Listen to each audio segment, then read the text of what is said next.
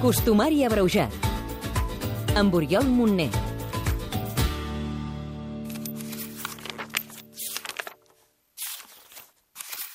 Aquí, 23 de juny, nit de Sant Joan. Fins a Sant Joan i Sant Pere no dormis a l'era. Per Sant Joan el primer bany o et pega bé o et fa dany. Aquesta nit és nit de rebella. La rebella de Sant Joan. La nit de Sant Joan és nit d'alegria. Estrellat de flors, l'estiu ens arriba. És una de les nits més assenyalades al calendari i la de disbauxa i diversió per excel·lència. És també i sobretot la nit més curta de l'any. Coincideix amb el solstici d'estiu i, un cop més, el cristianisme ha adaptat una festivitat preexistent per reconduir-la i convertir-la en una festivitat pròpia, la de Sant Joan.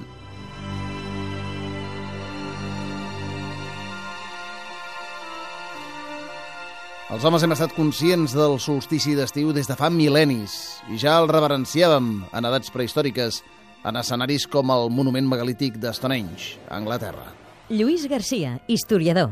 Si ho celebraven o no, al 100% no ho sabem, ara que des de la prehistòria, almenys des del Neolític, doncs ja observaven els fenòmens astronòmics i ja els tenien controlats, doncs això sí que és, és bastant clar, no? Per tant, és molt probable? És gairebé segur que al voltant dels solsticis feien algun tipus de celebració.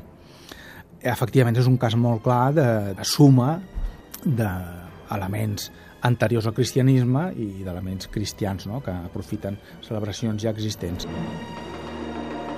Els pobles antics, adoradors del sol, simulaven durant el solstici d'estiu que la nit no existia i ho feien tot creant un sol artificial, la foguera, i saltaven per sobre com a signe de renovació pel canvi d'estació.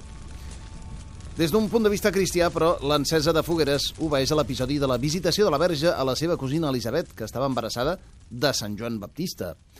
Elisabet va dir a Maria que podria saber que ja havia nascut el seu fill Joan gràcies a la llum d'una foguera, que al mateix temps seria la confirmació del naixement, aviat, del Messies la festivitat de Sant Joan Baptista, que era cosí de Jesucrist, eh? i era exactament sis mesos més gran, és a dir, va néixer al solstici d'estiu. El pare de Sant Joan era un sacerdot, que es deia Zacarias. Quan neix eh, Sant Joan, llavors canta unes lluances i, segons explica la tradició, encén fogueres per anunciar a tothom el naixement del seu fill. I sembla que d'aquí vindria en origen la qüestió de les, de les fogueres, independentment de la tradició precristiana de celebració del solstici d'estiu. A l'edat mitjana era creença que aquesta nit les bruixes, dracs i mals esperits estimulats per la luxúria infestaven l'aire i per això s'encenien grans fogueres que la gent travessava saltant per purificar l'aire i les persones.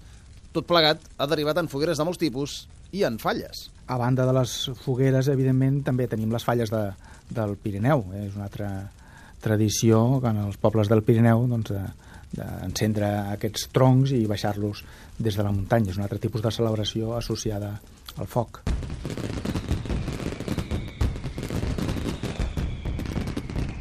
No cal ni dir que la pirotècnia que avui acompanyarà la rebella no és més que una derivació a petita escala de la nit del foc, de les fogueres que farem. Però vaja, ja n'hi ha prou de rebuscant els orígens. Avui tenim ganes de gresca i de menjar coses ben típiques. Si és Sant Joan, toca menjar coques. La de Sant Joan actualment es presenta en moltes varietats, amb fruita, amb pinyons, de llardons o farcida de crema o bé de nata. Per anar bé, ha de ser el doble de llarg que d'ample i cal que sapigueu que la coca és una derivació del tortell amb ous que es menjava antigament. Una gran peça rodona amb clares reminiscències de culte al sol. Fermí Puig, cuiner. Avui dia la massa ja no és tan massa de pa, és una massa més abrioixada i, sobretot, en la de Sant Joan hi ha la de llardons i hi ha, doncs, la més habitual, que és la de crema, doncs, amb, amb pinyons habitualment, i segurament doncs, amb fruita confitada. Les coques dolces ara són en molts casos més abriuixades. Si t'hi fixes, tenen la introducció de la crema. Eh, estem parlant, la crema ja existia a l'edat medieval, evidentment, no? Però no era tan, tan normal, no era tan corrent.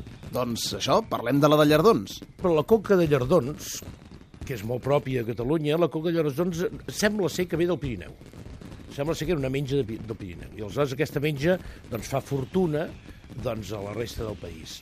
Doncs ja cal que les assaboriu aquesta nit, sigui en família o amb amics, a casa, al restaurant o segurament la majoria a l'aire lliure, prop d'una bona foguera en què hi cremarem totes les andròmines que ens fan nosa.